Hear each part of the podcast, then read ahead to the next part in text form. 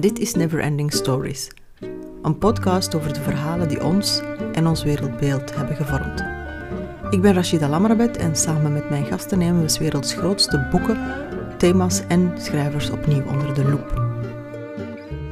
In deze aflevering Beschaving onder de loep, waarbij we het boek Van Zover gekomen van Bernadette Heiligers bespreken, die het heeft over beschaving. Andere gasten zijn Elodie Heloïse, Dimitri Kloos en Ralf Wienet.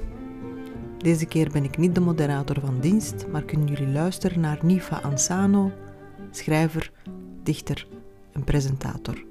Welkom.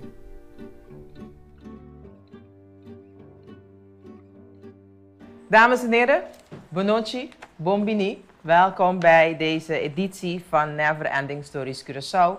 Beschaving onder de loep, waarbij we het boek van zover gekomen met Bernadette Heiligers gaan bespreken.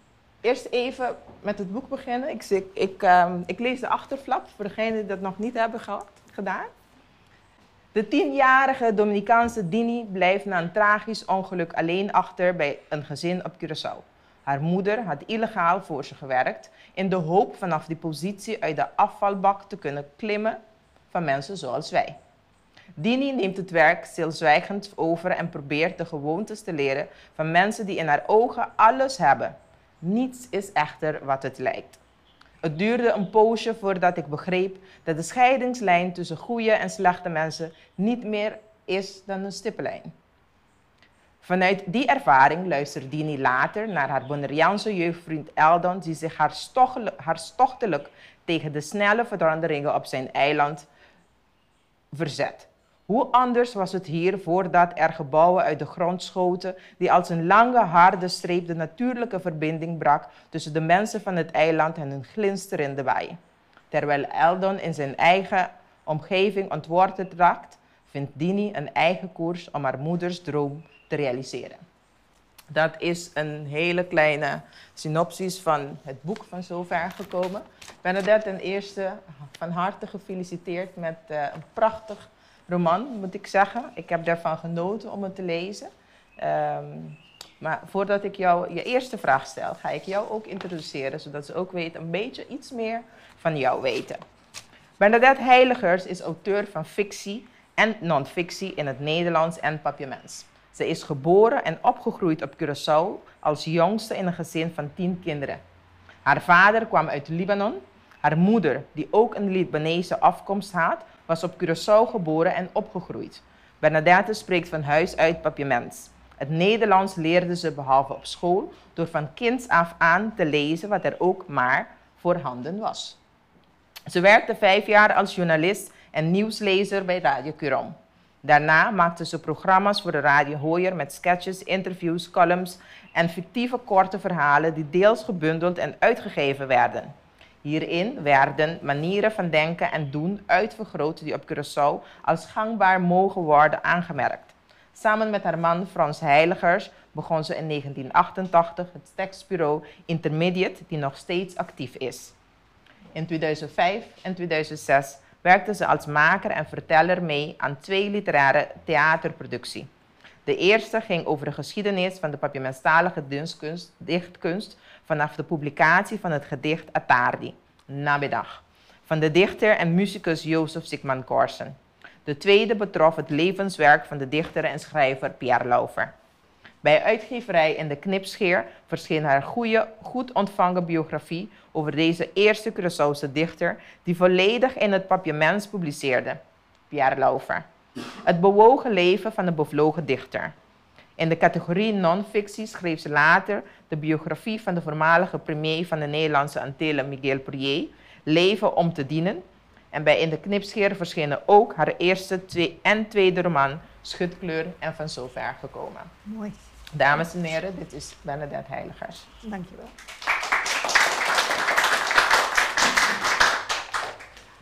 Bernadette, het boek van zover gekomen.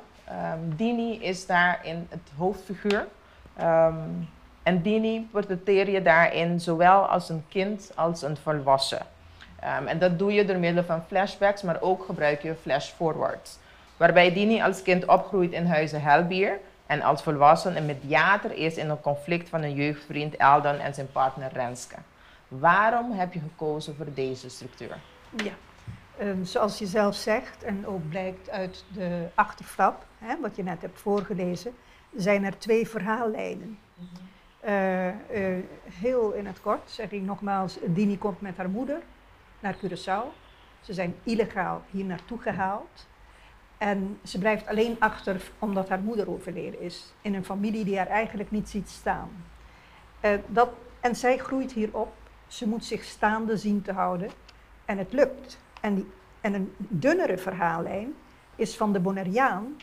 Die bij, met beide benen op de Bonaireaanse grond stond. Maar uh, die langzaamaan begon te voelen dat hij immigrant werd in zijn eigen land.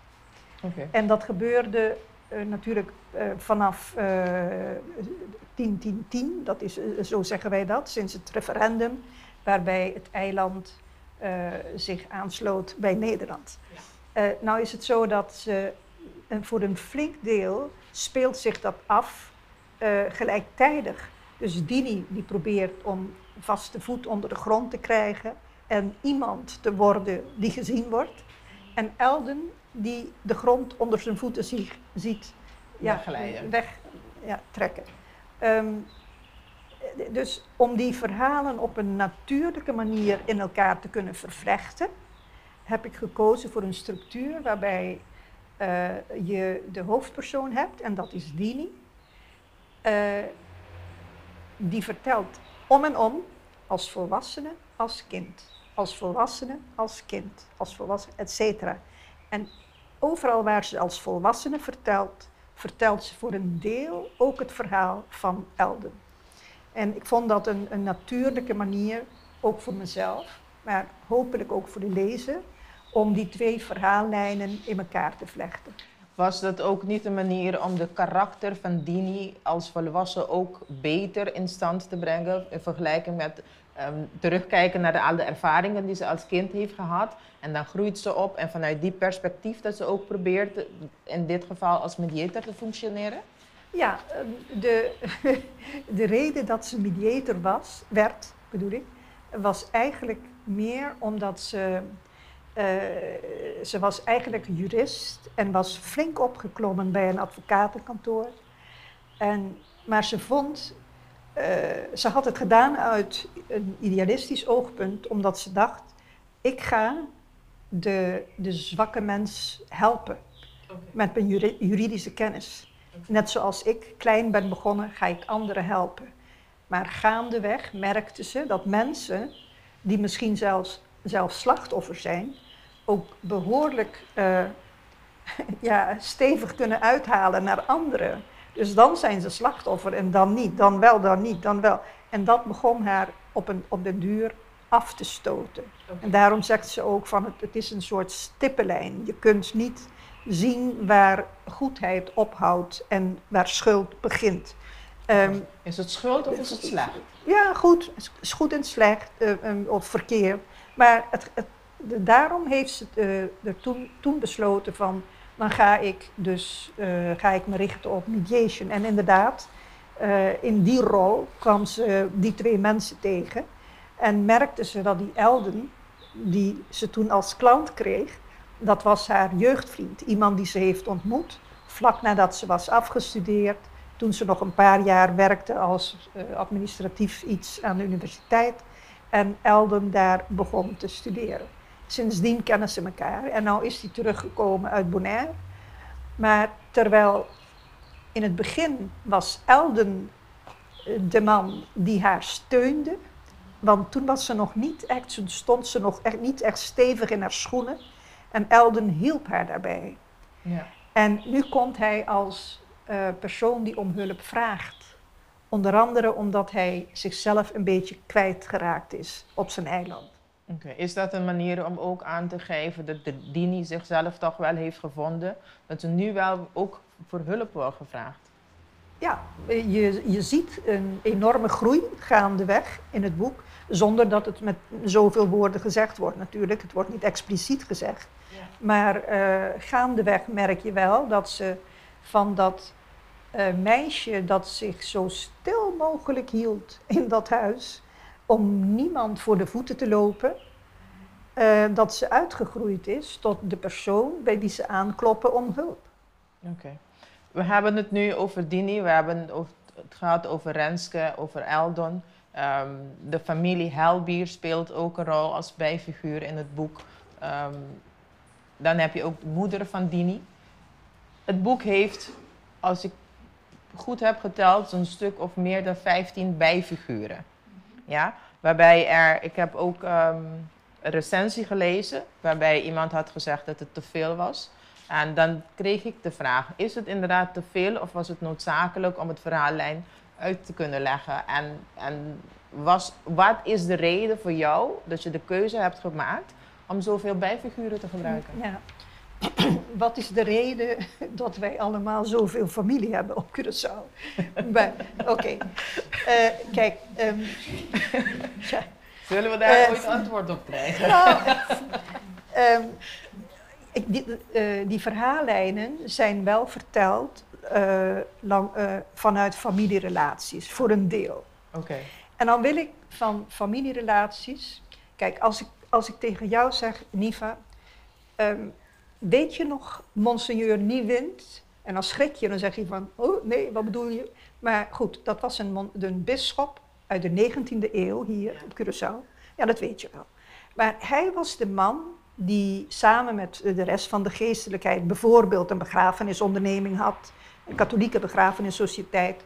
Hij was de man die het Sint-Elisabeth Hospitaal had opgericht, allemaal voor de armen. Hè? Dus zowel begrafenissen als in die tijd was het hospitaal voor de armen. Uh, maar zelfs een man als Niewind, als we het verhaal moeten geloven wat een meneer Dalhaus, waarschijnlijk ook een priester, later heeft geschreven, die zegt dat ze daar niet aan konden wennen. Dat er overal families opduiken als de mensen ziek zijn. Ziek zijn bij ziekte en dood en de rituelen, et cetera, et cetera. En daar hadden ze echt moeite mee. Dat was een issue. Begrijp je?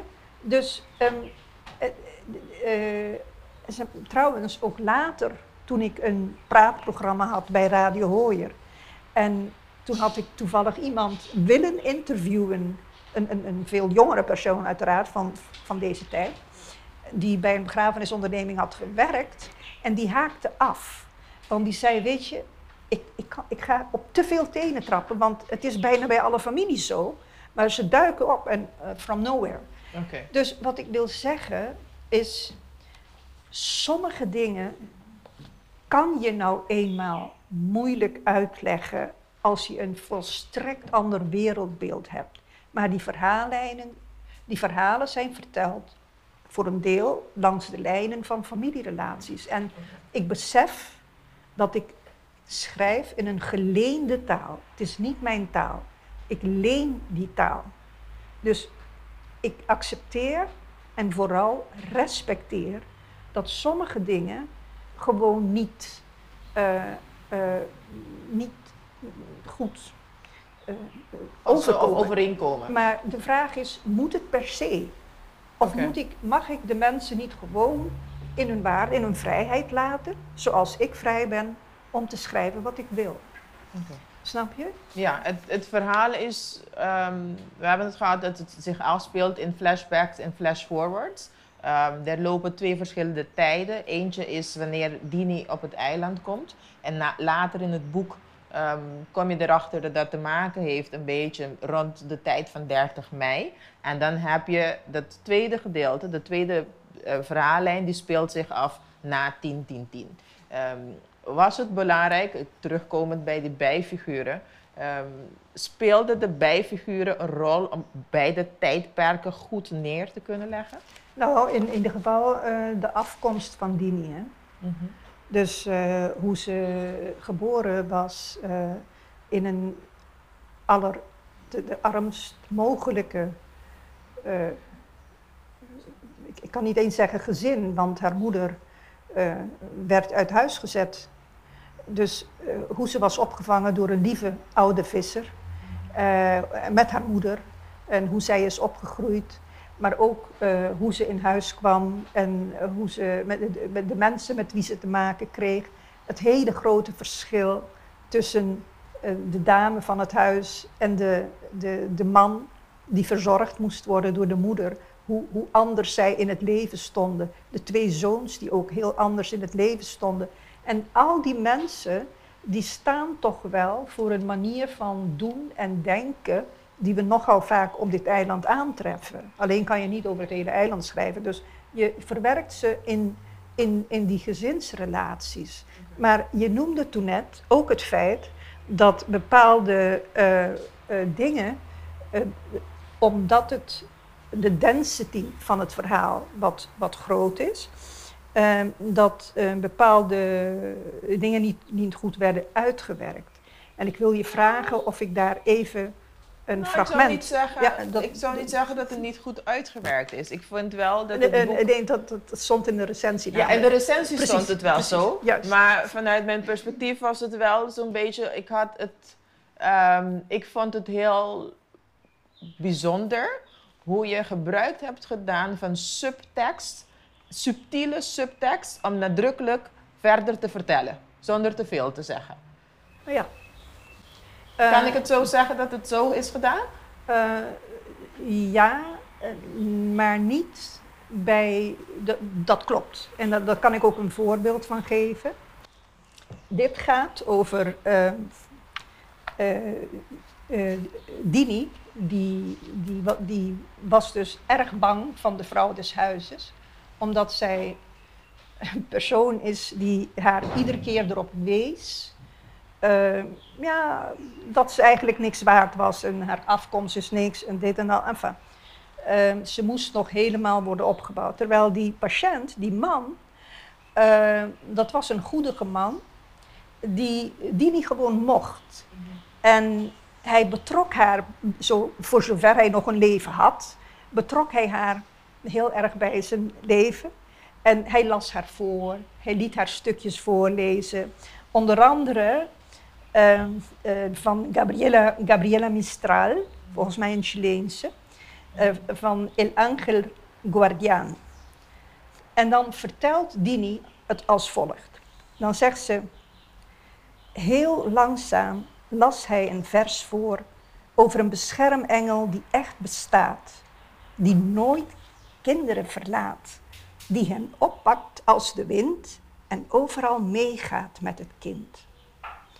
En ze vertelt verder, starend naar het plafond, zag ik de engel door de lucht glijden en de kinderen geruststellen met zijn lieve, ernstige ogen. Wat moest het heerlijk zijn, die zachte vleugels om je schouders te voelen. Ik dacht niet dat mijn beschermengel die harde wind had overleefd, die ons barkje bij de overtocht door elkaar had geschud. Ze bedoelde toen ze hier kwamen met een gammelbootje. Dus ja, ik kan er natuurlijk bij vertellen van ze was heel eenzaam. Maar volgens mij blijkt hier wel uit hoe, ze verlangt naar een arm om haar heen. Naar iets, naar een troost. Ik weet niet of je dat bedoelt met subtekst. Dus ja, ik heb er iets anders weer uitgehaald. Oké. Mag ik dat verklappen? Ik, ik had, want dat is een moment dat, dat Dini dan bij, bij de heer des huizes op, zijn kamer, om Rudy, op bezoek gaat. En dat is hun eerste ontmoeting. En ik zag dat meer van als een Rudy die haar geruststelt van... hé, hey, ik ben er ook voor jou. Ik ben er ook om jou te beschermen. dus dat zag ik. En ja, als je het boek verder leest, ga je, kom je over achter bepaalde dingen. En dan, dan hebben bepaalde woorden, dus van dat ik nooit kinderen verlaat, bijvoorbeeld. Ja. Dat had ik zoiets van, oh, oom Rudy, ja, had hier wat te vertellen. Dus dat, dat ja, dus Het zit, er zit zoveel meer in. precies. In, Hij is haar correct, beschermengel. Correct, dus dat, dat, zo komt het ook over. Um, en op het laatst draait hij zich, zeg maar, een, een beetje niet nonchalant, maar hoe noem je dat? Uh, uh, hij is moe namelijk, hij heeft, uh, dat mogen we wel zeggen, gewoon ademhalingsproblemen. En dan zegt hij, voor, vlak voordat hij zich omdraait om verder te slapen, zegt hij, noem mij maar oom Rudy. Ja. En dan slaapt hij. Ja. Dus, ehm, Correct. Ja, dus dat, die hele kennismaking was, een, hij gaf nogal duidelijke hints. Maar wat ik bedoel is de passage van, van Dini is genoeg, dacht ik. Ja. Genoeg. Naast het gebruiken van, van die passage bijvoorbeeld en historische momenten in het verhaal, ehm, gebruik je ook moderne vormen. Je hebt bijvoorbeeld een e-mailwisseling ehm, gebruikt ehm, tussen Renske en Dini. ehm, over de situatie of over het proces van Renske als Nederlander om te proberen te begrijpen het feedback die ze krijgen van, van de eilanders. Ehm, hoe bepaal je welke vormen je gebruikt om, om, om het verhaal te vertellen? Nou, eh, normaal vertel je het natuurlijk zoals je een roman schrijft. Hè? Dus, eh, maar er is één ding wat ik graag eruit wilde laten springen.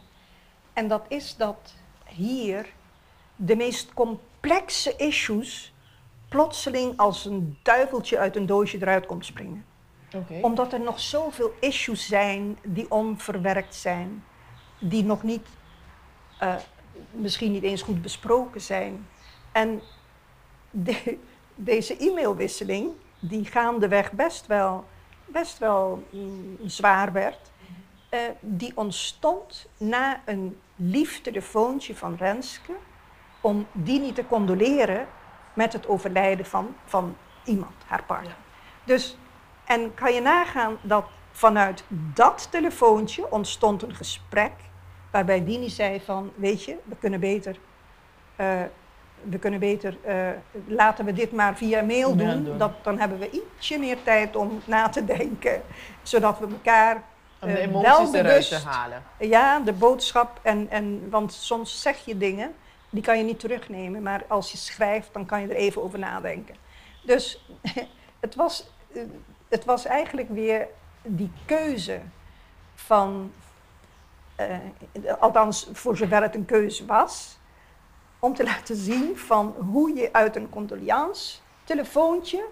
een eno- enorm gesprek krijgt over he- hevige onderwerpen die bij Renske, of in ieder geval aan beide kanten onverwerkt zijn. Dus vandaar die, die e-mailwisseling. Oké. Dus om het op een nuchtere manier, om dat gesprek toch voor te zetten. Nou ja, Oké. Ehm, het verhaal van, ik heb net even aan het publiek verteld, ehm, een beetje over jouw achtergrond. Jij hebt ook, bent ook opgegroeid in een multicultureel, meerdere culturen op Curaçao. Ehm, zijn er raakvlaken tussen Bernadette en Dini, de hoofdfiguur? Misschien moet ik eerst dit zeggen. Kijk, de, al- als je begint heb je in ieder geval een gevoel van een, een bepaald thema. En dat, dat, dat, daar wil je naartoe. Daar wil je ooit, ga je daar iets mee doen. Maar dat thema ga je, je- je gaat een vorm zoeken om, om het te doen. In dit geval een meisje op te voeren dat door omstandigheden helemaal alleen achterblijft. Zonder mensen om haar te begeleiden, dan alleen die ene familie Ja, en die, die enge vrouw. Ehm, dat is de vorm. En daarnaast is die, voor mijn gevoel, hè, ik weet niet of het zo hoort, maar die derde laag, waarbij je eh, eh, eh, elementen gebruikt uit het dagelijks leven, uit je herinnering, uit gewoon iets wat je hoort op de radio en dit en dat. Gewoon om het verhaal voor te duwen. Want ik denk dat bij de meeste mensen geldt dat als ze een verhaal gaan vertellen, als ze aan een boek beginnen te schrijven, betekent nog niet dat je weet hoe het verder gaat verlopen. Dat weet je zelf ook niet als schrijver en dat is ook helemaal niet erg. correct. Want je weet wel wat de bron is, toch? Waar, waar komt het vandaan? En dan de rest komt gewoon in de loop van de jaren of maanden of, of wat dan ook. Dat komt wel. Nou, dus fundamentele raakvlakken, die zijn er inderdaad. Eh, bijvoorbeeld, Dini staat op het kruispunt van culturen. Mhm. En ik kan niet ontkennen dat ik ook sta op een kruispunt van culturen. Heb je dat gevoel nog steeds, na jaren? Eh, laat ik zo zeggen, niet dat ik er last van heb, eh, althans niet. Ik, ik ben helemaal happy daarmee, Eh, maar het is gewoon zo. Ik, ik kijk, eh, ja, ik ben gewoon Curaçaose. Normaal wordt dat, dat wordt ook zo gezien. En zo nu en dan maakt men een beetje onderscheid tussen Curaçaoenaars en nog Curaçaoenaarser. En ik vind dat mensen daar gewoon het recht toe hebben. Er is helemaal niks verkeerds mee. Zo zie ik het. Nee, prima. Ik, uh, zij beginnen daar al aan die kant te lachen. Ik ben benieuwd wat ze straks erover te zeggen hebben. We hebben het net ook gehad over het feit dat je recensies hebt gehad. Ik heb, um, ben tegengekomen recensie van Wim Rutgers, twee van Michiel van Kempen, eentje van Marianne Jansen en eentje van André Ooyen. Allemaal vanuit een Nederlands perspectief. En amper één recensie, of misschien heb ik eentje gemist, maar amper een recensie vanuit Curaçao zelf. Ehm, wat denk jij dat daarvoor de reden is dat wij in onze literaire cultuur iets wat minder recensies uitgeven hier? En hoe belangrijk zijn recensies voor jou als schrijver? Ik denk dat recensies gewoon belangrijk zijn. Dat, dat zijn ze nou eenmaal. En ik moet je heel eerlijk zeggen, het is waar. Dus dat er vanuit um, zeg maar papiamenstalige bladen en, en radio, radioprogramma's en zo, daar wordt nooit uh, om gevraagd. Zelfs niet. En het is echt best wel opvallend, weet je. Want um, um, bijvoorbeeld, uh, Pierre Lauver was nou eenmaal uh, onze eerste, tenminste de eerste Curaçaose dichter die zijn, zijn gedichten bundelde. Sigmund Korsen had eerst Atari en zo, maar hij bundel, bracht boekjes uit. Maar, en er was uh, alweer meestal een recensente, vaak van Nederlandse oorsprong of Nederlands, die daarover gesproken hebben. Maar ik weet niet wat andere schrijvers ervan zullen zeggen, maar ik, ik, ik heb het gevoel van, daar moet ik me niet mee bemoeien. Gewoon, recensenten die doen hun ding en dat, dat is niet wat, iets Zorgt de recensie er wel voor dat je bijvoorbeeld um, iets kritischer naar je eigen schrijver gaat kijken? Uh, ja, um, zeker. Maar goed, een telefoontje van iemand doet dat ook. Hè? Maar een, een recensie, alles wat gepubliceerd is, is natuurlijk, omdat het ook anderen beïnvloedt. Ja, ja natuurlijk uh, kijk ik kritischer. Nee. Ik ben net in het boek um, van zover gekomen, lopen er verschillende thematieken van familieverhalen tot en met identiteit, uh, diversiteit. Um, en toch, toen we je hebben gevraagd voor Bernadette, wat is het meest belangrijke thema in het boek, was je antwoord beschaving. Hoe komt dat?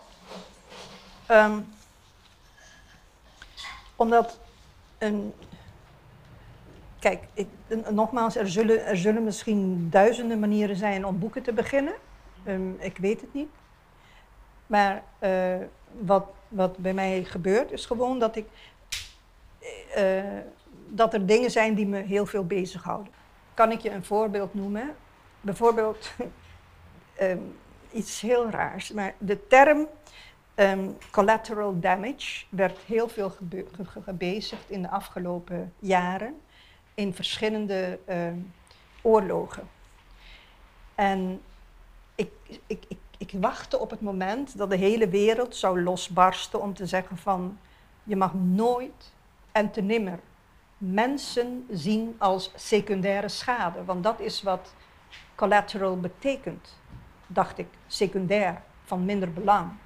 En ik heb nooit begrepen dat het kon, behalve dan dat ik denk dat het kan, omdat die uh, schade veroorzaakt is uh, in veel gevallen door het Westen. Uh, het Westen, dus van het Westen van de wereld. Um, dat was één. Maar ook thema's als de vraag: waarom mag één deel van de wereld, en weer hier het beschaafde Westen, -hmm. Um, en ik zeg beschaafd zonder ironie, hè, want ook ik beschouw het Westen als een, echt een, een, een, een schitterend deel van de wereld met een hoge beschavingsspel. Okay. Maar waarom mag dat deel van de wereld wel zijn eigen geschiedenis opschrijven, precies zoals ze willen? En de landen die zij destijds hadden veroverd, die worden daarin een beetje eh, tegengewerkt. Want dan krijg je van die vragen van, eh, ja, maar is het wetenschappelijk? Op welke bronnen heb je je wel? eh, en weet je, is, er zitten geen emoties tussen? Enzovoorts, enzovoorts, enzovoorts. Dan denk ik van, ja, maar hallo, wa- waarom? En dat zijn dingen die ik gewoon niet begrijp. dus ze verdwijnen in de ruisfiles. Maar ehm, ik moet zeggen, nogmaals, het is echt niet alleen op Curaçao. Bijvoorbeeld, en, en ik, ik noem het even zodat mensen het kunnen eh, nachecken. Maar er is een tijdschrift van American Historical Association. En in een artikel van 1 mei 2000 staat letterlijk, ehm, eh, gaat het over een, nou vertaal ik het even, een fundamentele tweestrijd over de vraag wie de autoriteit heeft om de geschiedenis te interpreteren van de oorspronkelijke bevolking van Amerika. Dus de mensen die ze Indianen hebben genoemd. Ja. En welke bronnen je daarbij mag gebruiken. En dat is niet zo lang geleden, hè, in 2000, 1 mei 2000. Dan denk ik van, maar ho- ho- hoezo gaat het erover? Die mensen die moeten toch hun eigen geschiedenis kunnen interpreteren. En, en hetzelfde vind je in musea in Amerika, waar er ook een hele discussie zijn van, ja, maar wie, wie bepaalt hoe de inheemse bevolking moet worden geportretteerd en weergegeven en geïnterpreteerd? Dat is, en dat, dat soort dingen begrijp ik niet.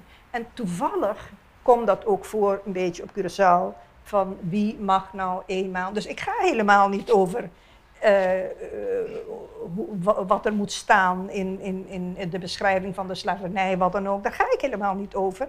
En het boek gaat er niet over. Maar hier en daar wordt wel genoemd van, ja, ehm, eh, waarom niet? Ik bedoel, laat de mensen hun ding doen. Ja.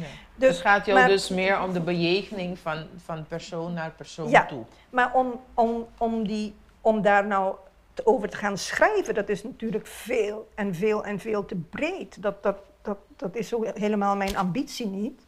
En dan maak ik het, eh, het verhaal heel erg klein door dat meisje uit Santo Domingo te laten vertrekken, alle familie achterlaten. En door haar hier naartoe te brengen, waar haar moeder wegdrijft in de stroming en verdwijnt. En dat ze dan als een onbeschreven blad achterblijft bij een familie, een deftige familie, die haar even beschaving bij zal brengen. Dus nogmaals, ehm, het, het lijkt erop alsof het niks met beschaving te maken heeft. Dus, maar het, het komt van, van, van die. Dat is het proces. Dat je je verbaast Ja. over dingen die veel groter zijn dan Curaçao. En dan maak je het klein, klein, klein, nog kleiner, nog kleiner. En dan kom je bij een klein meisje uit. Dat, dat alles voor het eerst ziet, hoort, meemaakt, et cetera. Ja, dus je hebt de subonderwerpen allemaal ook gebruikt om verschillende elementen van beschaving aan te duiden in, in het boek.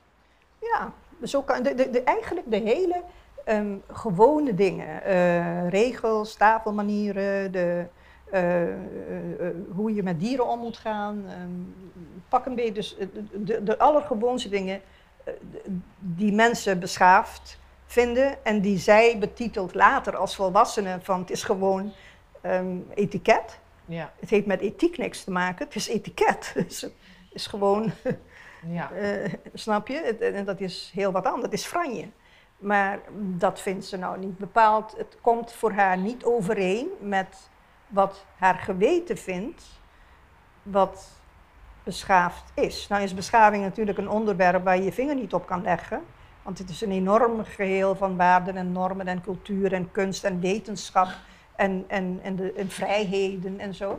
Maar eh, zij kan er reden, zij wordt er helemaal niet wijs uit. Het enige waar zij mee zit is van, het klinkt heel mooi, maar het voelt niet goed. Ja, oké. Dankjewel Bernadette.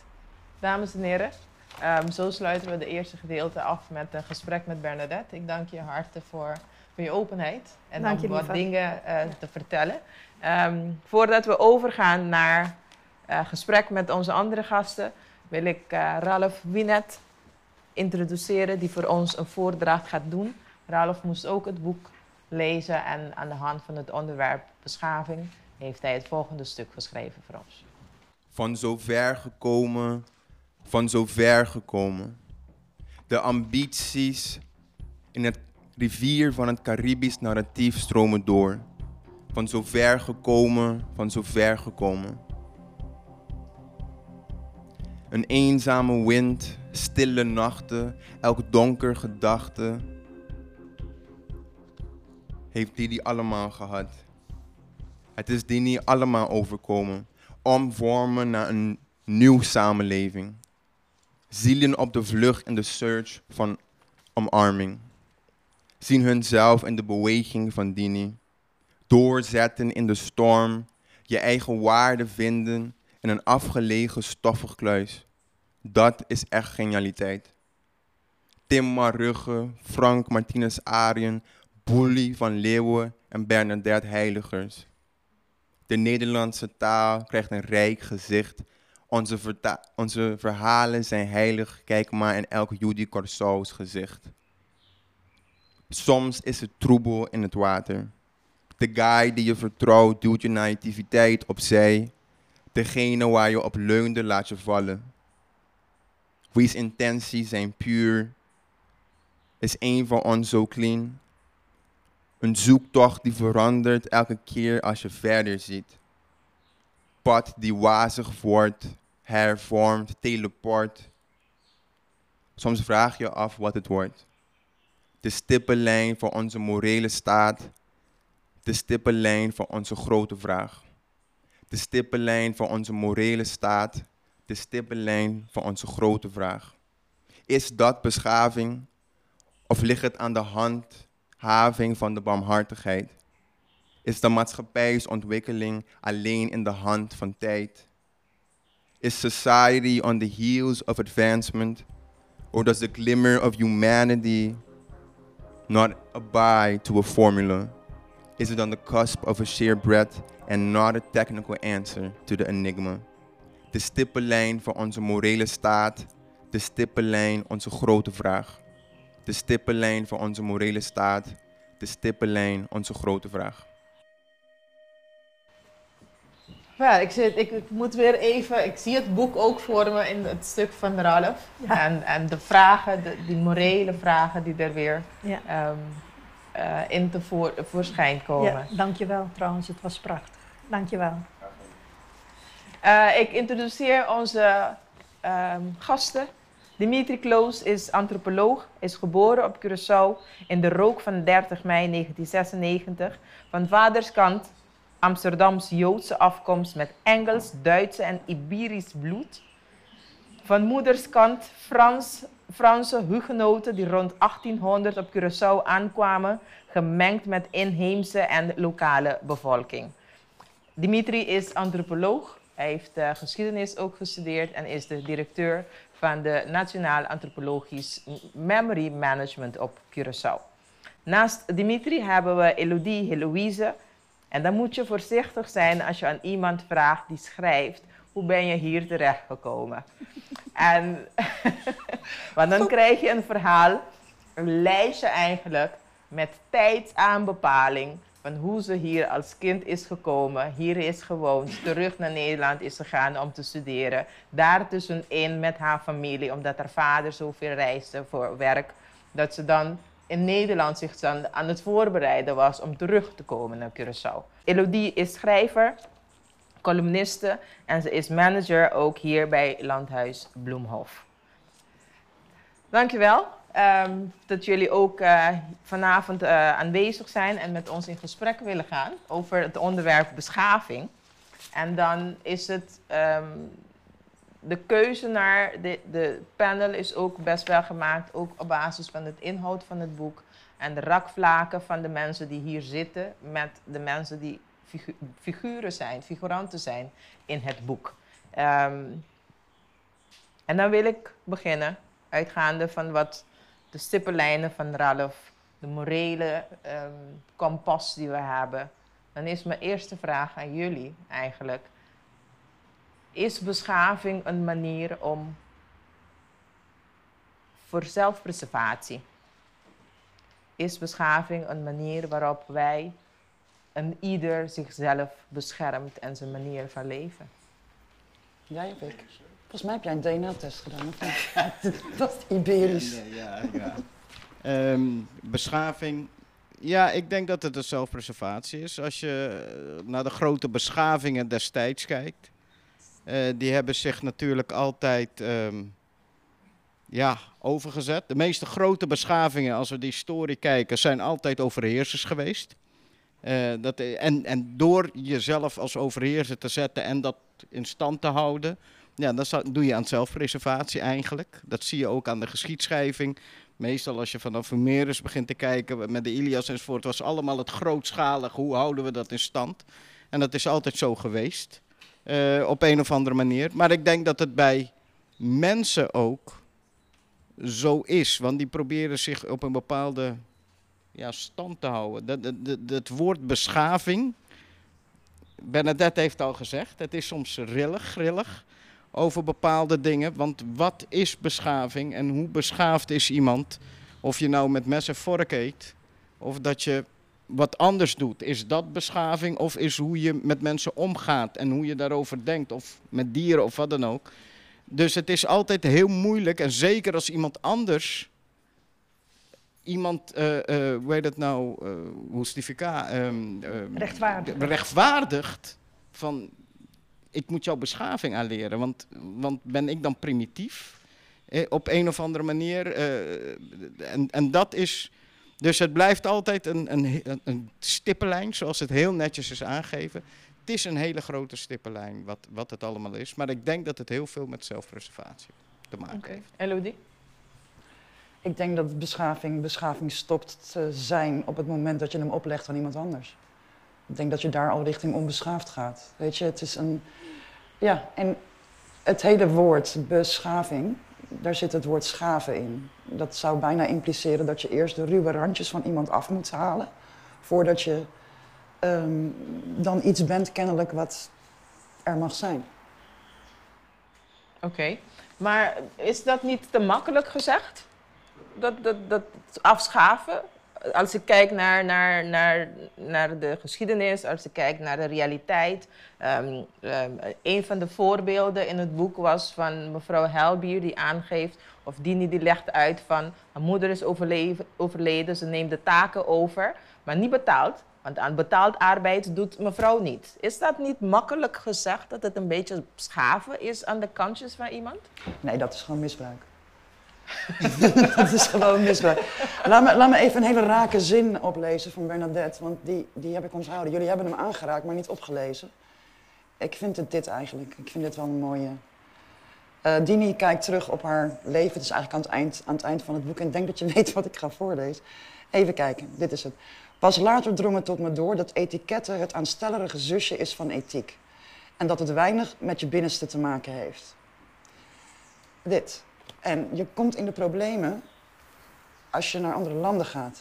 Als je naar andere, ehm, met andere culturen in, in aanraking komt. Omdat daar zijn andere regels. Dus beschaving, regels, het zit heel dicht bij elkaar hoe dat, hoe dat werkt.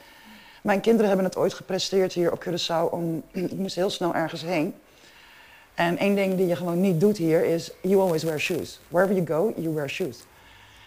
Ik had zijn auto gedonderd en eigenlijk, ja, het moest snel. En eentje was vergeten zijn slippers eh, mee te nemen. Dus wat doe je dan? De eerste stop is, oké, dat was eh Mangousa. Eh, en je gaat naar binnen en je haalt ze van het rek. En iedereen die daar in de tussentijd naar jou kijkt, je houdt je hoofd naar beneden, je rekent af en je doet die dingen aan je voet. Nou, in de tussentijd, tussen, tussen ehm, uit de auto gaan en nieuwe slippers, heeft hij vier, vier keer gehad. Ehm, ik maar naar mijn auto is gekeken, dit. Dat, dat, is een, dat is leven. En regels, beschaving, samenleven, wat, wat is... Ja, hoe moet het? Hoe hoort het? Bernadette, zie jij dat ook zo? Nou, ik, ik, ik, ik ben wel voor wat, eh, de, die eerste zin die E- Elodie zegt. Dus eh, het is wel een accumulatie van, van mooie eigenschappen.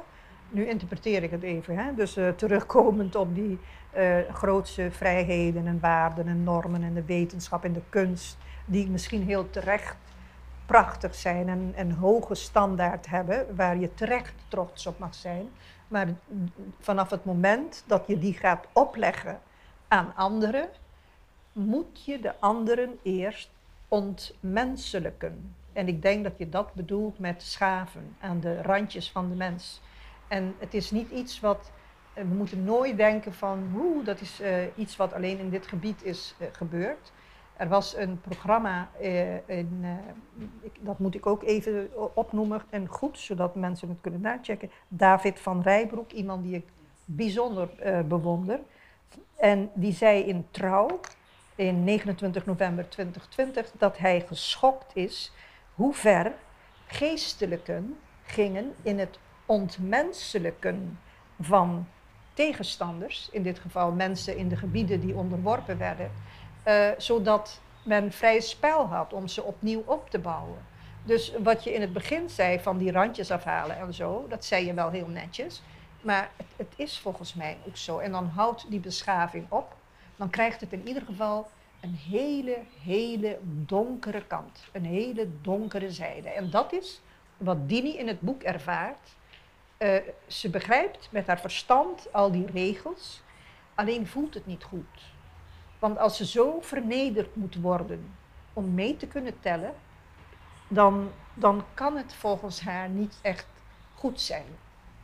Dat, dat, eh, dat Ja. is wat ik ervan maak. Maar nogmaals, ik, ik, kwam, ik zei alleen dat het een achterliggend onderwerp, want er is een verschil, heb ik me tussen, tussen een thema. Dat, dat thema betekent niet waar gaat het boek over. Het betekent waar komt het eigenlijk vandaan. En Ja, hoe. Dus, en, eh, ik heb het antwoord niet. Dus de antwoorden heb ik juist niet. Die zitten, bij mij een groot vraagteken achter. ja. Want ik Je ben er ook eh, zelf nog niet klaar mee. Je ziet het ook terug, dit, dit stukje zie je heel mooi terug. Op een gegeven moment is het 30 mei 1969. De stad staat in de fik. En Dini wordt dan naar buiten gestuurd om, om, om de boel te gaan verkennen, om te gaan kijken hoe het voor elkaar zit. En ze voelt dan heel iets anders dan wat ze daarvoor voelde. In de zin van, ehm, in elk geval werd haar positie anders. En dat had alles te maken met de chaos om haar heen, maar ook met hoe anderen reageerden op die chaos. Dus het, het werd in één keer een, heel ander spel. En ik vond dat ook heel mooi, eh, mooi neergezet in, eh, in Van Zover gekomen, hoe dat, hoe dat ineens kan veranderen. Ja, in dat moment denk ik dat die niet de collateral damage was voor de familie Helbier, maar ook op een bepaalde manier ehm, met alles wat ze meemaakte en dat ze er niet bij hoorde op een bepaald moment wel voelde dat, hé, hey, nu mag ik er wel bij horen. Dat, dat, dat gevoel. Ehm, Bernadette, je zei net over de donkere kant van beschaving, maar is de donkere kant niet voor datgene die het ervaart? En degene die het uitoefent, die zet er sterretjes en, en, en ehm, zeg je dat, bijou daartegen. Want zo hoort het en zo moet het. Als ik nogmaals, eh, en het is niet om af te schuiven, maar als ik nogmaals eh, David van Rijbroek mag citeren. En dit is in een, dat heb ik op YouTube gezien. Het programma heet De Afspraak. Ik, ik, eh, ik weet niet of het een radioprogramma is of een televisieprogramma. Maar daar refereert hij naar een Britse enquête. En je hoort het hem zeggen terwijl de cijfers achter hem verschijnen. Waaruit blijkt dat bijvoorbeeld 50% van eh, de mensen in Nederland toch trots is op het koloniale verleden. En hij verklaart het van daarom, het, hij verklaart het door te zeggen, er is sinds de jaren 90 heel erg teruggeschroefd in geschiedenislessen. Het is maar drie jaar verplicht en de rest is optional. En hij denkt dat het daarmee te maken kan hebben. Dus dat het eh, niet alleen geschreven wordt vanuit je eigen perspectief, maar dat je ook nog zo weinig geschiedenislessen geeft, dat, dat, je, dat de mensen niet echt begrijpen dat dat die grootsheid die je in een bepaalde periode had, dat het ook hele donkere kanten had. En zo rechtvaardig je onbewust het feit dat je ja, ook hele lelijke dingen hebt gedaan. Dus ehm, nogmaals, ehm, ik denk dat die, eh, die donkere kanten gelden natuurlijk voor degenen die eronder hebben geleden. Dat is zeker. Maar van de andere kant lijkt het me ook behoorlijk donker. Want ik ga er altijd van uit, er zullen heel, heel erg veel mensen zijn, in dit geval in Nederland, die als ze weten hoe het echt in elkaar zit, Nou, dan zou die trots geslonken zijn tot eh 5%, 10% of zo. Begrijp je? Dus je moet mensen wel de kans geven om, om op, op grond van eh, ja, eh, een goede interpretatie of meerdere interpretaties een conclusie te trekken. Nu lijkt het alsof de mensen, wat zijn ze toch slecht? Ja, maar ze krijgen bijna geen, eh, geen dus, weinig geschiedenislessen, dus weinig over hoe zat het nou echt. De informatie vanuit één perspectief en dat is vanuit de perspectief de doel heilig de middelen. Eh, ja, ongeveer. En, en, en, wij bepalen met onze bronnen wat er is gebeurd. En dan schrijf ik het natuurlijk op één bepaalde manier op. En nogmaals, ik denk dat eh, de verreweg de meeste mensen, want dat cijfer van 50% is natuurlijk heel schokkend. Maar ik denk dat eh, als het verhaal de ruimte had gekregen om normaal vanuit alle pe- perspectieven geïnterpreteerd te worden, ook emotioneel, dat mag. Waarom niet? Begrijp je? Dus dat, dat er dan verre, dus veel meer mensen in ieder geval in Nederland zouden zijn, die zouden zeggen van nou, ik denk toch wel dat wij dit kunnen zien als een, ja, een donkere periode in onze geschiedenis. Dus ehm, ik, ik, ik, ik zeg, ik wijd het echt niet aan de inborst of een slechte inborst of wat dan ook van de mensen daar. Maar Ja. gewoon, het ehm, is wat het is. het- nou, op, op dat gebied best wel onwetend. Oké. Oké. Dus als ik het even terugkijk van wat jullie hebben gezegd, hoe jullie het zien. Beschaving is een vorm van die regels, gehanteerde regels, om, om iemand anders wat bij te brengen. Waarbij er afhankelijk van jouw positie, wie je bent, of je de gever bent of de nemer, het ervaart vanuit een zwart-wit of goed-slecht perspectief. Kan ik het zo op Eh, samenvatten? nou, een klein, kleine nuance. Ja. Beschaving is op zich iets heel erg moois. Mhm. Eh, zeker zoals het bijvoorbeeld in het Westen eh, is opgebouwd en, en on- zich heeft ontwikkeld. Maar op het moment dat je dat moois gaat gebruiken om lelijke dingen te rechtvaardigen, bijvoorbeeld het overrompelen van mensen, het binnenstampen in hun land, het ontmenselijken van de mensen, zogenaamd om ze je beschaving te aan te leren, kijk, dan wordt het iets, dan wordt het anders, dan wordt het iets lelijks. Ja. Dus het is op zich iets heel moois, maar zodra je het er, eh, legitimeert als een vorm van superior, je vindt het een vorm van superioriteit en dan legitimeer je hele lelijke dingen, ja, dan houdt het wat mij betreft op, wat mij betreft, om echt mooi te zijn, om, om, om, of om nog beschaafd te zijn. Ik wil er wel op aan. ik- Ik ben het helemaal mee eens, maar dat is natuurlijk een persoonlijke ding. Maar ik denk dat het ook heel vaak in structuren vastzit die je niet zelf geen eens doorhebt dat je ze beleeft. En de structuren zijn zodanig in elkaar gezet dat je er daar leeft en volgens het geheel doet. En dat het een automatische stroom zou hebben die op den duur ontwikkelt natuurlijk, naar gelang alles ontwikkelt. Maar het is heel moeilijk om die, dat waardeoordeel puur aan, zeg, aan een persoon te geven van jij zou meten moeten weten. Het leuke uit het boek is dat misschien wel de meest beschaafde persoon uit het boek juist van de meest laagste klasse komt die alles heeft ingezet om het, eh, eh, bepaalde dingen te doen. Maar dan weer toch wel de term wat is beschaving? Hetzelfde Ja. wat, wat is vrijheid? Wat is, er zijn altijd wel termen die beladen zijn of die hele andere interpretaties nodig hebben. Ja. En dat denk ik ook in dit. En wij, in, in het boek komen de personages heel duidelijk van hoe beschaafd zou iemand zijn. Maar ik durf ook te wedden dat heel veel mensen onbewust het uitoefenen omdat ze gewoon in een structuur leven waarbij zij geen eens bewust zijn dat zij dat doen en zo leven en zo met anderen omgaan. Ja. Ja. In het, ehm, in het boek wordt Dini, komt Dini vanuit eh, Santo Domingo hier naartoe. eh, waarbij ze weet, hé, ik ben een buitenlander, maar ze groeit hier op. Ze, leert de regels, ze maakt het mee. Ehm, in het geval van, van Bernadette en Dimitri, jullie zijn hier op Curaçao geboren, maar opgegroeid met multiculturaliteit als vanzelfsprekend. Ehm, Elodie, op den duur was het voor jou ook heel vanzelfsprekend. Je woont tussen hier en Nederland. Hoe voelt dat voor jou, voor je identiteitsvorming, als je rekening houdt met de geschreven en ongeschreven regels in onze maatschappij? Vraag je het aan mij of aan hun? Aan iedereen, Oh. aan jou ook, want eh, jij hebt het ook meegemaakt, Wils. Ja, dat is, dat is gewoon heel, heel ingewikkeld. Vertel. Want je, ik was vijf toen ik hier kwam, kwam wonen. Ehm, en ja, dus ik, ik, mijn referentiekader is altijd Curaçao. Dus dat, dat, dat is inherent aan de leeftijd, denk ik, dat, je hier, dat ik hier kwam in elk geval. En we hebben zulke korte periode in het buitenland gezeten. Dus Nederland dan anderhalf jaar en dan weer terug. En dan, dus ik, het was altijd hier.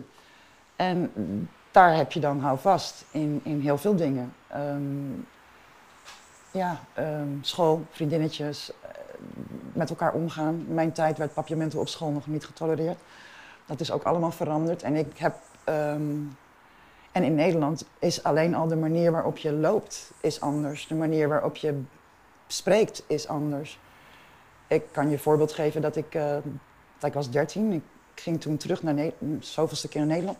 Ik kwam in Rotterdam op school terecht, bij een hele chique school. En in die tijd was nog, het reizen was nog niet normaal. Een vlucht naar Curaçao was vier stops. Eh, het was allemaal nog best wel uniek. En dan kom je in zo'n rijke omgeving, de, de goudkust van, van Rotterdam. En daar zat ik dan op school. En daar had dus niemand die ervaring nog. En wij waren nieuw, met mijn zus en ik, en wij werden dan op school ehm, geïntroduceerd. Vroeger met de intercom nog. Weet je, die, die, die allemaal in de klas had hangen. En dan zo'n knopje, dan kon die open bij de rector. Dus mijn zus en ik die gingen naar de rector, want die wilde ons voorstellen. Want ook kinderen van ergens anders was niet gewoon. En ik had al zo'n on- onderbuikgevoel, zo van, nou, ik weet niet of dit wel zo'n goed idee is. Maar goed, wij naar de rector, knopje open en ehm, je vertelt dat je, waar je vandaan komt. En dat gaat natuurlijk gewoon, ik ben Elodie, ik kom uit Curaçao, ik heb daar en daar gewoond, ik dit. En, je hebt dat accent. Ja. Nou, wij waren nog niet eh, klaar met school of onze fiets was al ondergeklad. Waarop stond rot op naar het buitenland. Dit is 1982. Dus ik heb geen enkele illusie over, over wat, ehm, wat, wat anders doen met mensen kan doen. En ehm, ik was daar nieuw. En ik had wel die, die vliegtuigreizen al gemaakt. En die, maar een doodgewoon gezin, alleen vanwege het werk van je vader ga je dan heen en weer. Hier was het heel simpel. Je kwam terug, je zat weer in de klas, je keek even om je heen. Die ken ik, die ken ik, ah bom. En dan binnen een week was het gewoon weer gewoon. Ja. Dus Curaçao is mijn anker. Curaçao is mijn anker. Is Ja. de meest stabiele basis op aarde voor mij. Hoe idioot dat ook klinkt. Oké. Ik kijk naar, naar Bernadette en Dimitri. Hoe, hoe hebben jullie die diversiteit in culturen in het opgroeien ervaren? Ja, heel, heel raar. Nooit echt opgemerkt op een of andere manier binnen de familie enzovoort. Maar wel als je naar het buitenland gaat, dan word je mee geconfronteerd, denk ik. Dat is de harde slag ehm, in heel veel dingen. Je zei net ook de identiteit. Het is natuurlijk de identiteit die jij inneemt als persoon, maar ook de identiteit die iedereen om jou heen jou ziet, hoe jij daarmee omgaat in een of andere manier. Maar ik denk dat, ja, hier was het allemaal eigenlijk heel normaal. En je hield je er eigenlijk niet mee bezig. Een beetje Dini-idee. Je, je begrijpt dingen, maar je houdt je niet mee bezig. En eh, als je echt naar Nederland gaat en dan, hoe heet het nou, binnen die cultuur aankomt. Ja, ik zie er heel Nederlands uit. Ik, mijn Nederlands is heel redelijk goed, laten we het zo zetten. Ik zeg niet heel goed. Ehm, maar dan op den duur, dan heeft men toch zoiets van, jij bent niet je bent toch een beetje buitenbeentje. Dan word je eerst een alternatief genoemd. En dan, en dan ben je een beetje van alles. En dan totdat ze eens een keer de taal horen praten. En, en met andere mensen bezig bent. En je, en je mimiek helemaal verandert. En, en, en bepaalde dingen doen. Dan is het zo van. Je kent de taal echt. Hè? En dan zeg je. Ja, ja natuurlijk. Ik, ik, ik kom er vandaan. Ik heb het al 10.000 jaar. Maar wij dachten toch. En dan, dan komt het een beetje op de geschiedenisles uit. Ja, dan ben je toch die Nederlander die op Curaçao woont en je bent niet echt de Antilliaan. Maar hier ook, als je hier zit en je praat met mensen, het eerste wat ze binnenkomen, het is een Nederlander die binnenkomt ergens, eh, waar, waar het ook is. En het is vaak aan de taal en aan de identiteit of, of het, het liefst het culturele uiting die je kan, kan geven. Dat men zoiets heeft van, ah, oké, okay, Tayuko of no. En, en dan gaat men anders met je om. Maar er is altijd het onderscheid. Maar ik denk dat daar, dat is een hele aparte setting om binnen onderscheid hoe dat op Curaçao wordt beleefd en in Nederland wordt beleefd, is, is dag en nacht verschil. En, en dat is denk ik ook met de recensies van, van Nederlandse uh, schrijver of, of wat dan ook op het Antilliaanse, die subtekst, wij begrijpen een bepaalde subtekst omdat het zo alledaags en normaal voor ons is. En iemand die er niet bij is, ook al is het hoogliterair uh, geschreven en ook al is er bepaalde dingen, hebben ze net die finesse van de subtekst, pakken ze misschien net niet mee, denk ik. Hebben wij onze eigen jus gegeven aan Nederlands? Altijd. Tuurlijk. nou, ik kan, er, ik kan er wel wat over zeggen. Ik weet dat um, bijvoorbeeld um, de Nederlandse Taalunie mm -hmm. Um, regelmatig mensen die schrijven in, in het Nederlands de websites daarvan afstroomt. Ze, ze, zoeken dan gewoon, weet je, ze vragen toestemming en dan maak je zo'n exportfile. En dat is eigenlijk uh, om te ontdekken hoe het Nederlands wordt gebruikt op een andere plek. Waardoor er dus ook andere woorden ontstaan. Kijk, het woord overdekte bestaat niet in Nederland. Ja, iets is overdekt als het een dak heeft. Hier is het een speelplaats op school waar je met de kinderen onder kan zijn. Dat hele woord bestaat niet in, in het Nederlands in die context. Dus zo, zo, groeien, zo groeit taal ook in die zin met kleur. Dat gebeurt dus ook in, in Suriname. Daar worden ook files genomen om, om te kijken van oké, waar wat voor nieuws zit erin? En dat wordt helemaal afgestruimd. Het is op zich wel, wel heel leuk hoor, om, uh, om daar aan mee te werken ook. Ja, Dan kan ik, toevallig komt dan wat anders op. Vanuit Antilliaans naar, naar Nederlands, om, om even alleen Antillen en, en, en Nederland even aan te nemen, is een groot verschil. Maar er loopt een hele grote groep in Nederland geboren Antillianen die zich het Antilliaanse identiteit hebben toegeëigend. Maar misschien hier weer niet helemaal overkomen. Maar het is wel een Antilliaanse identiteit die zij zich hebben toegeëigend. En terecht. Maar dan hier zijn ze toch weer niet helemaal zoals het is. En in Nederland worden ze dan als de vertegenwoordiging van Ant Antillianen gezien of van Curaçao. Maar ze zijn het niet. Terwijl die van Curaçao zelf misschien weer niet worden gezien.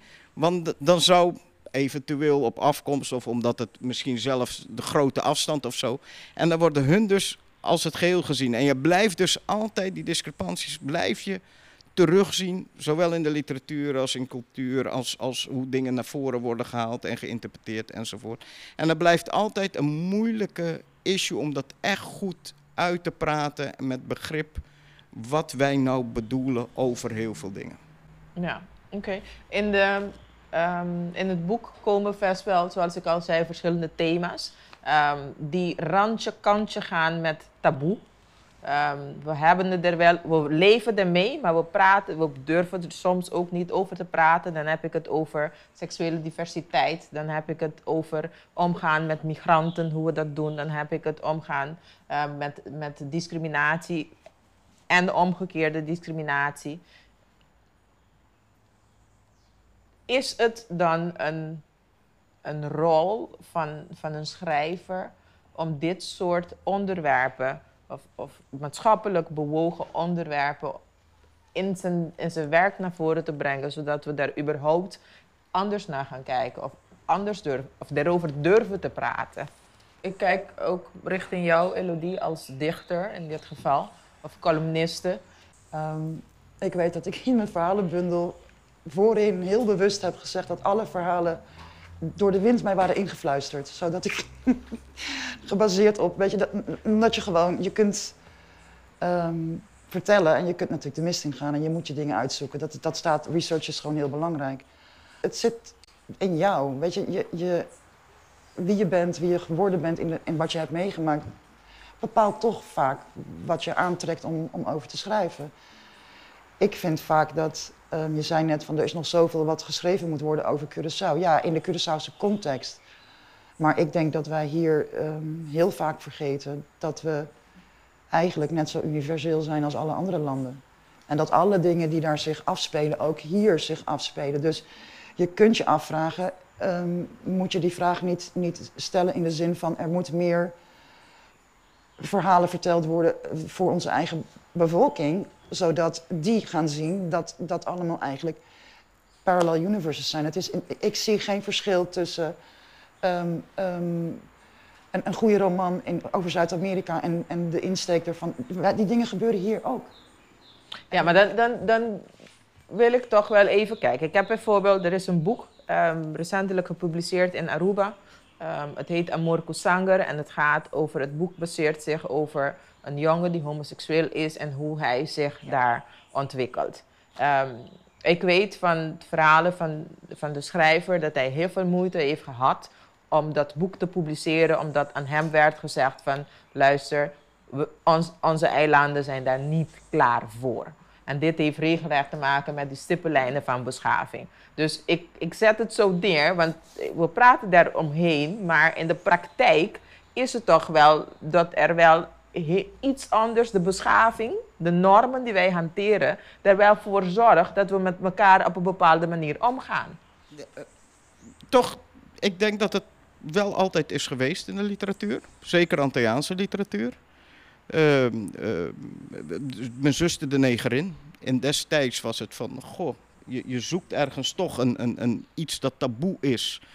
Ehm, zoek je op, uh, weekendprogrammage over uh, zuip- en, en, en, en, en, kroegentochten die, langs werden gemaakt.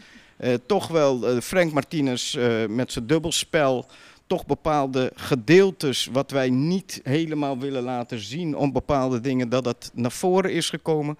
Dus ik denk altijd wel dat er vanuit de Antilliaanse literatuur of Antilliaanse schrijvers, dat wat hun heel bekend is, toch altijd een beetje, en, en het hoeft niet altijd over, over hele zware taboes te gaan, maar er, er wordt altijd dat gedeelte wat wat toch wel de kleine gemeenschap heeft, waarbij ze heel snel het gezicht de andere kant optrekken, dat het heel vaak toch beschreven wordt, met name in de Antilliaanse literatuur, wordt het altijd heel duidelijk, speelt dat altijd wel een rol. Het is misschien niet het centrale thema, maar het is wel iets dat altijd voor is gekomen, waar ik denk afhankelijk van de tijd, hoe vrijer men wordt om bepaalde onderwerpen beter aan te pakken of anders aan te pakken. Ik wil, ik wil even op. Kijk, eigenlijk is het heel simpel. Als het er is, iemand schrijft het op, dan is de maatschappij er klaar voor, want anders kwam het niet. En het is een beetje hypocriet, want als je gaat kijken naar ehm, onze social media uitingen, ik vind dat echt het meest, meest hypocriete woord wat er bestaat. Het is zo asociaal als de pest. Maar als je gaat zien wat daarop wordt neergegooid aan tekst, aan verwensingen, aan, aan, dan denk ik, hoezo we zijn, we hebben taboes hier. Ik bedoel, alles ligt op straat het, het wordt besproken. Kijk, en ik, het heeft misschien ook te maken met een soort ehm, zelf achter je werk kunnen staan. Zelf ehm, niet bang zijn dat wat je vertelt of opschrijft consequenties heeft. Misschien zijn we klein en heeft dat in een samenleving kan dat gevolgen hebben. En het is het natuurlijk. En misschien zelfs dit zou je kunnen terugvoeren naar waarom worden er geen recensies geschreven. Ik wil geen recensie schrijven over Benedet's boek omdat ik er gewoon te goed ken. Maar ik heb ook wel verschillende recensies geschreven over de theaterstukken. Over... Het, is, het is moeilijk om, om dan ook echt eerlijk te kunnen zijn daarover. Ehm, dus misschien zijn wij gewoon te klein om, om dat voor elkaar te kunnen doen. En helemaal die schrijversgemeenschap. Hier zit Erik de Brabander, zit hier. Ehm, ook, een, ook een schrijver. Het is niet makkelijk om dat te doen. Ja. Wie? En Kees, sorry. Kees, ja. oeps, zie ik? Ik sla je zo over, sorry.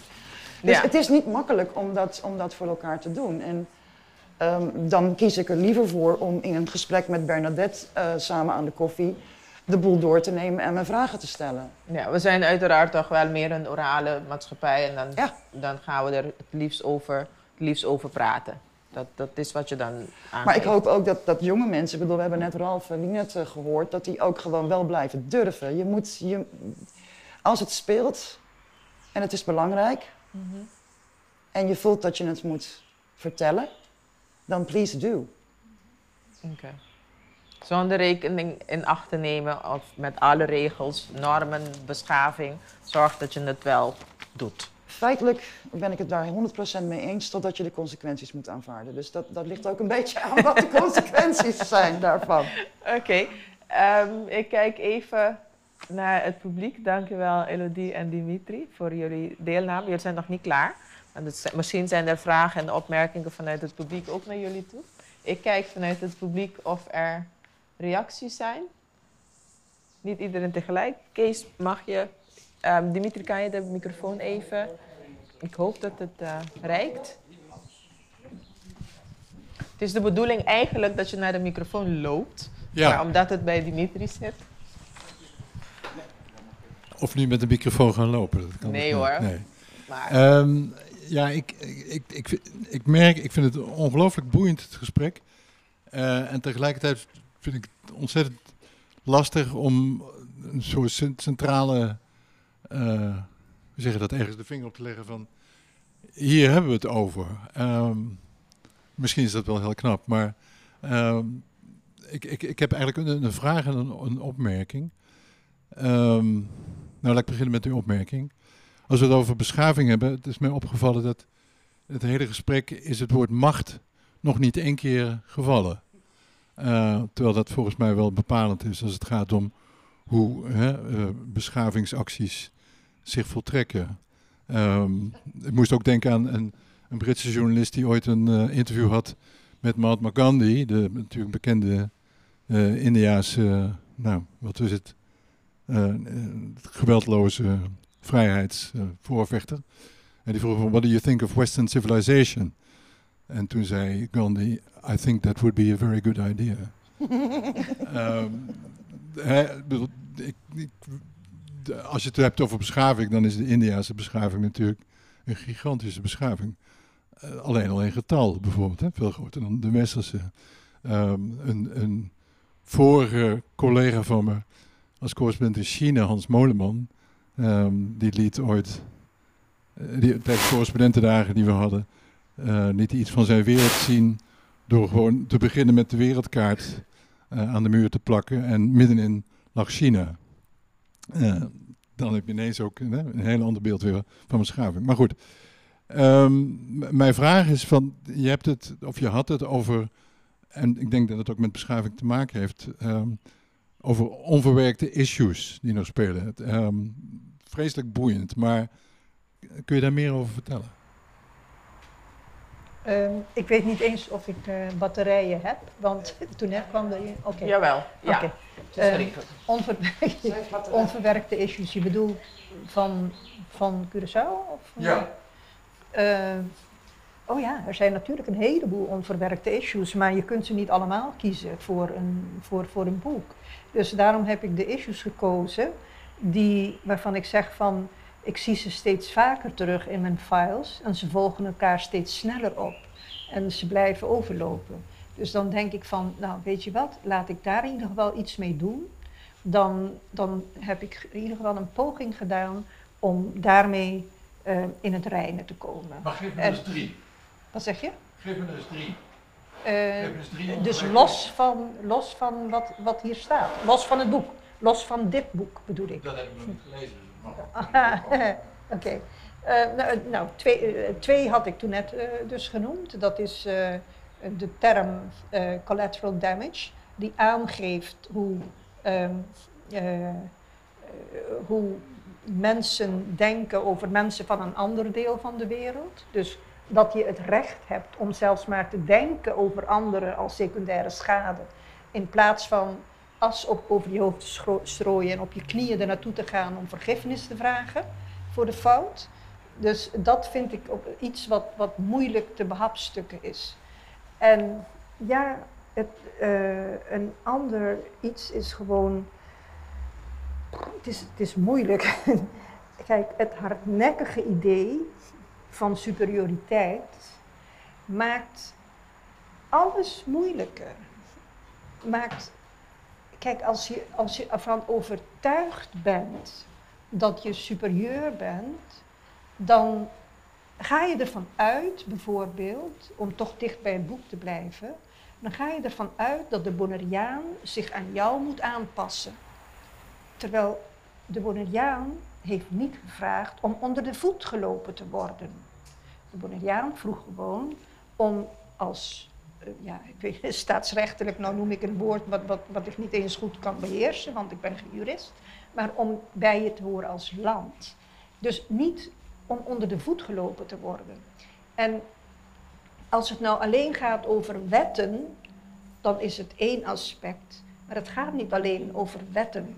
Het gaat ook meteen over van waar mag ik komen, waar mag ik zijn. En ik ben hier altijd geweest als kind.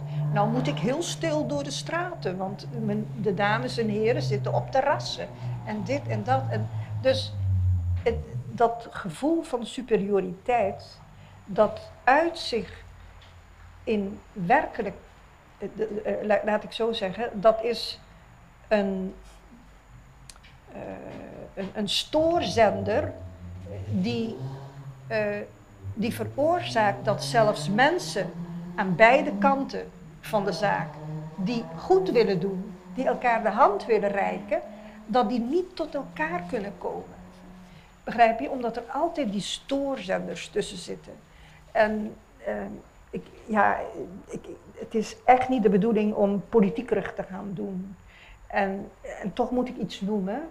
Um, nogmaals, ook dit is iemand die in principe een, een, misschien een fantastische persoon is. Hij ziet er in ieder geval heel aardig en vriendelijk uit. Ik heb het over minister Grappenhaus, Grapperhaus.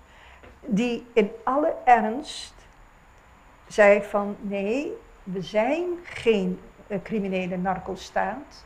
Als we dat waren, had er hier iemand voor u gestaan die met een, met een, met een exotisch uiterlijk. Kijk, zoiets, en dan kan je wel zeggen, wel zo had ik het niet bedoeld en zo, maar het kwam wel uit je tenen. Dus het, het, het laat toch wel zien van, oh my god, we zitten in 2022 en nog steeds hebben mensen met macht het idee dat ze per definitie beter zijn. Of dat ze per definitie niet gerekend kunnen worden tot narcocriminaliteit, et cetera, et cetera. En de anderen wel. Begrijp je wat ik bedoel? Dus dat zulke fundamentele dingen gewoon niet over lijken te willen gaan.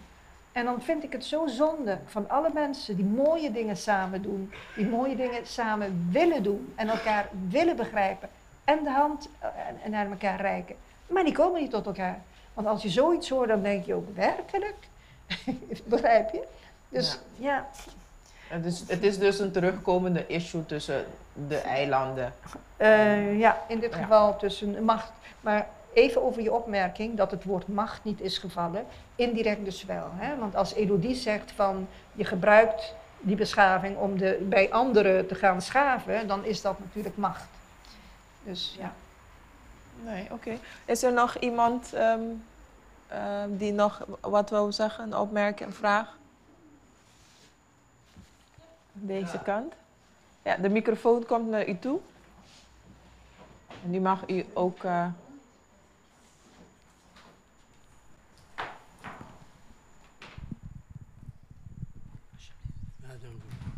U had het over die uh, minister van uh, Justitie in Nederland met zijn onbeschaafde, onbeschaafde uitspraak.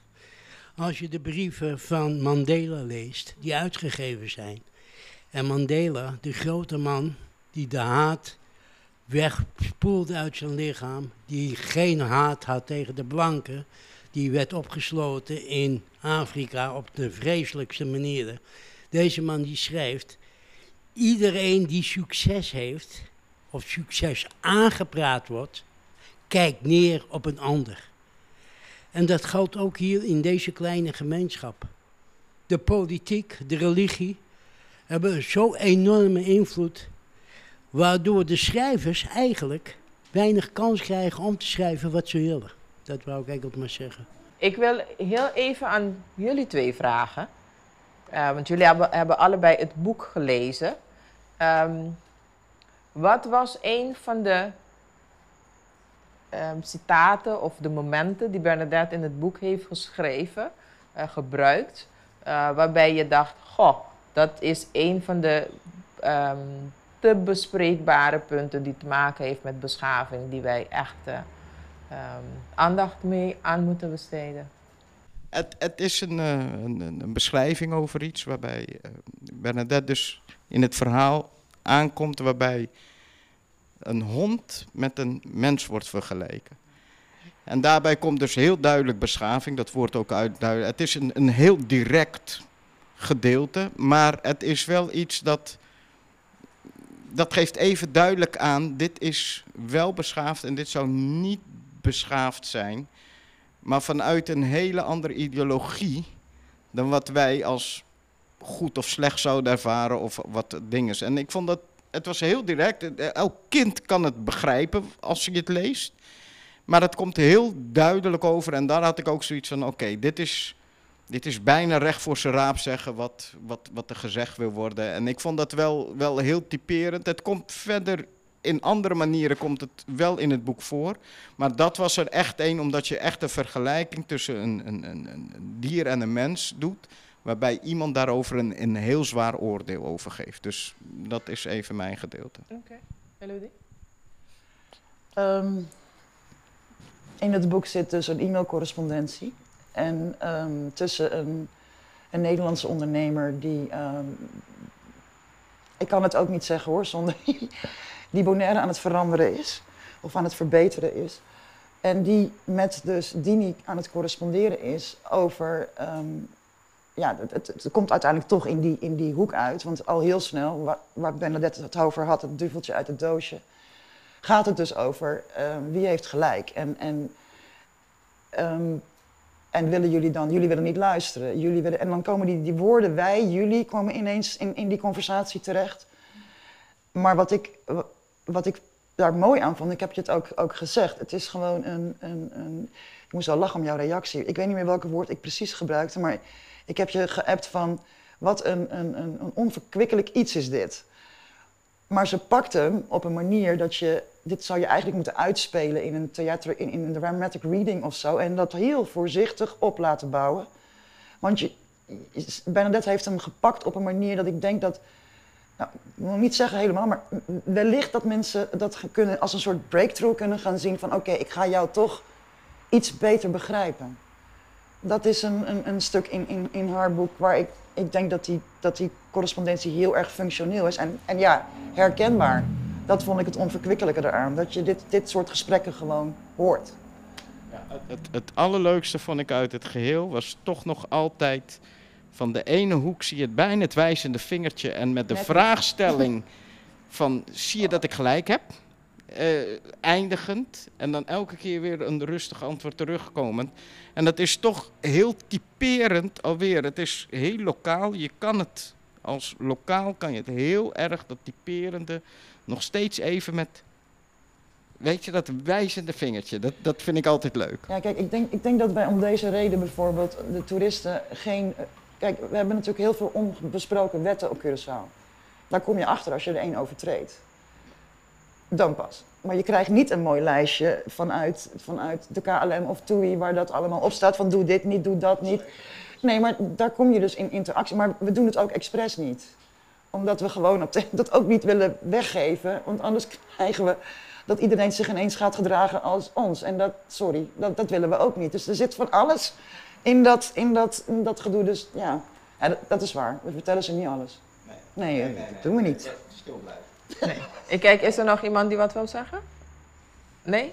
Dames en heren, ik wil jullie van harte bedanken om aanwezig te zijn bij deze eerste editie van um, Never Ending Stories, Beschaving onder de loep, waarbij we met Bernadette Heiligers hebben gesproken over haar boek Van Zover Gekomen.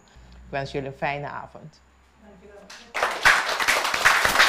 Dit was het einde van de aflevering.